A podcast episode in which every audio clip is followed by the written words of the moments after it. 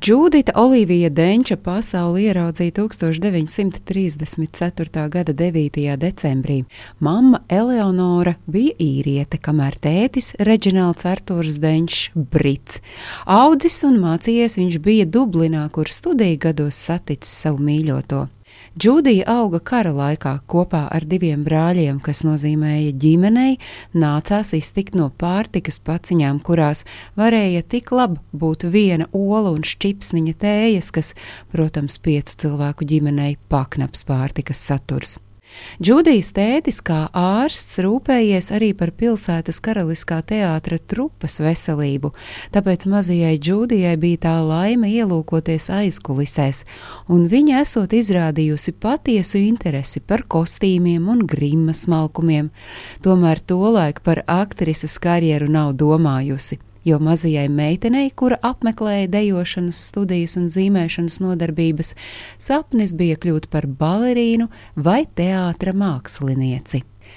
Patiesībā ar aktieru mākslu Džudiju saslimdināja vecākais brālis, kura iedvesmota viņa atstājot novārtā mākslas studijas, iestājās Londonas centrālajā runas un drāmas skolā, kuru absolvējot viņa saņēma zelta medaļu.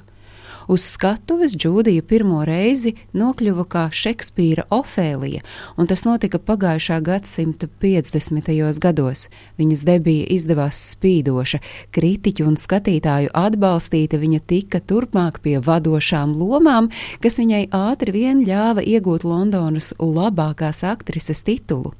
Uz kinoekrāniem Džūdija Denča nokļuva 1964. gadā ar filmu Trešais noslēpums. Pēc tās kino lomu piedāvājumi bijuši kā no pārpilnības raga. Drīz pēc tam gan aktrise personīgu iemeslu dēļ pārtrauca filmēties un uzņemšanas laukumā atgriezās vien pēc 11 gadiem, bet atgriešanās bija iespaidīga. Tā piemēram filma Istaba ar skatu, kurā Denča atveidoja rakstnieci Eleonoru Levišu, tika pie piecām Oskara nominācijām. Bet pasaules slavu Džudija Denča ieguva sastopoties ar Džeimsu Bondu. Pirmo reizi Bonda filmās Britu slepenā drošības dienesta vadītājas un Bonda priekšnieces M lomā Denča parādījās filmā Zeltats.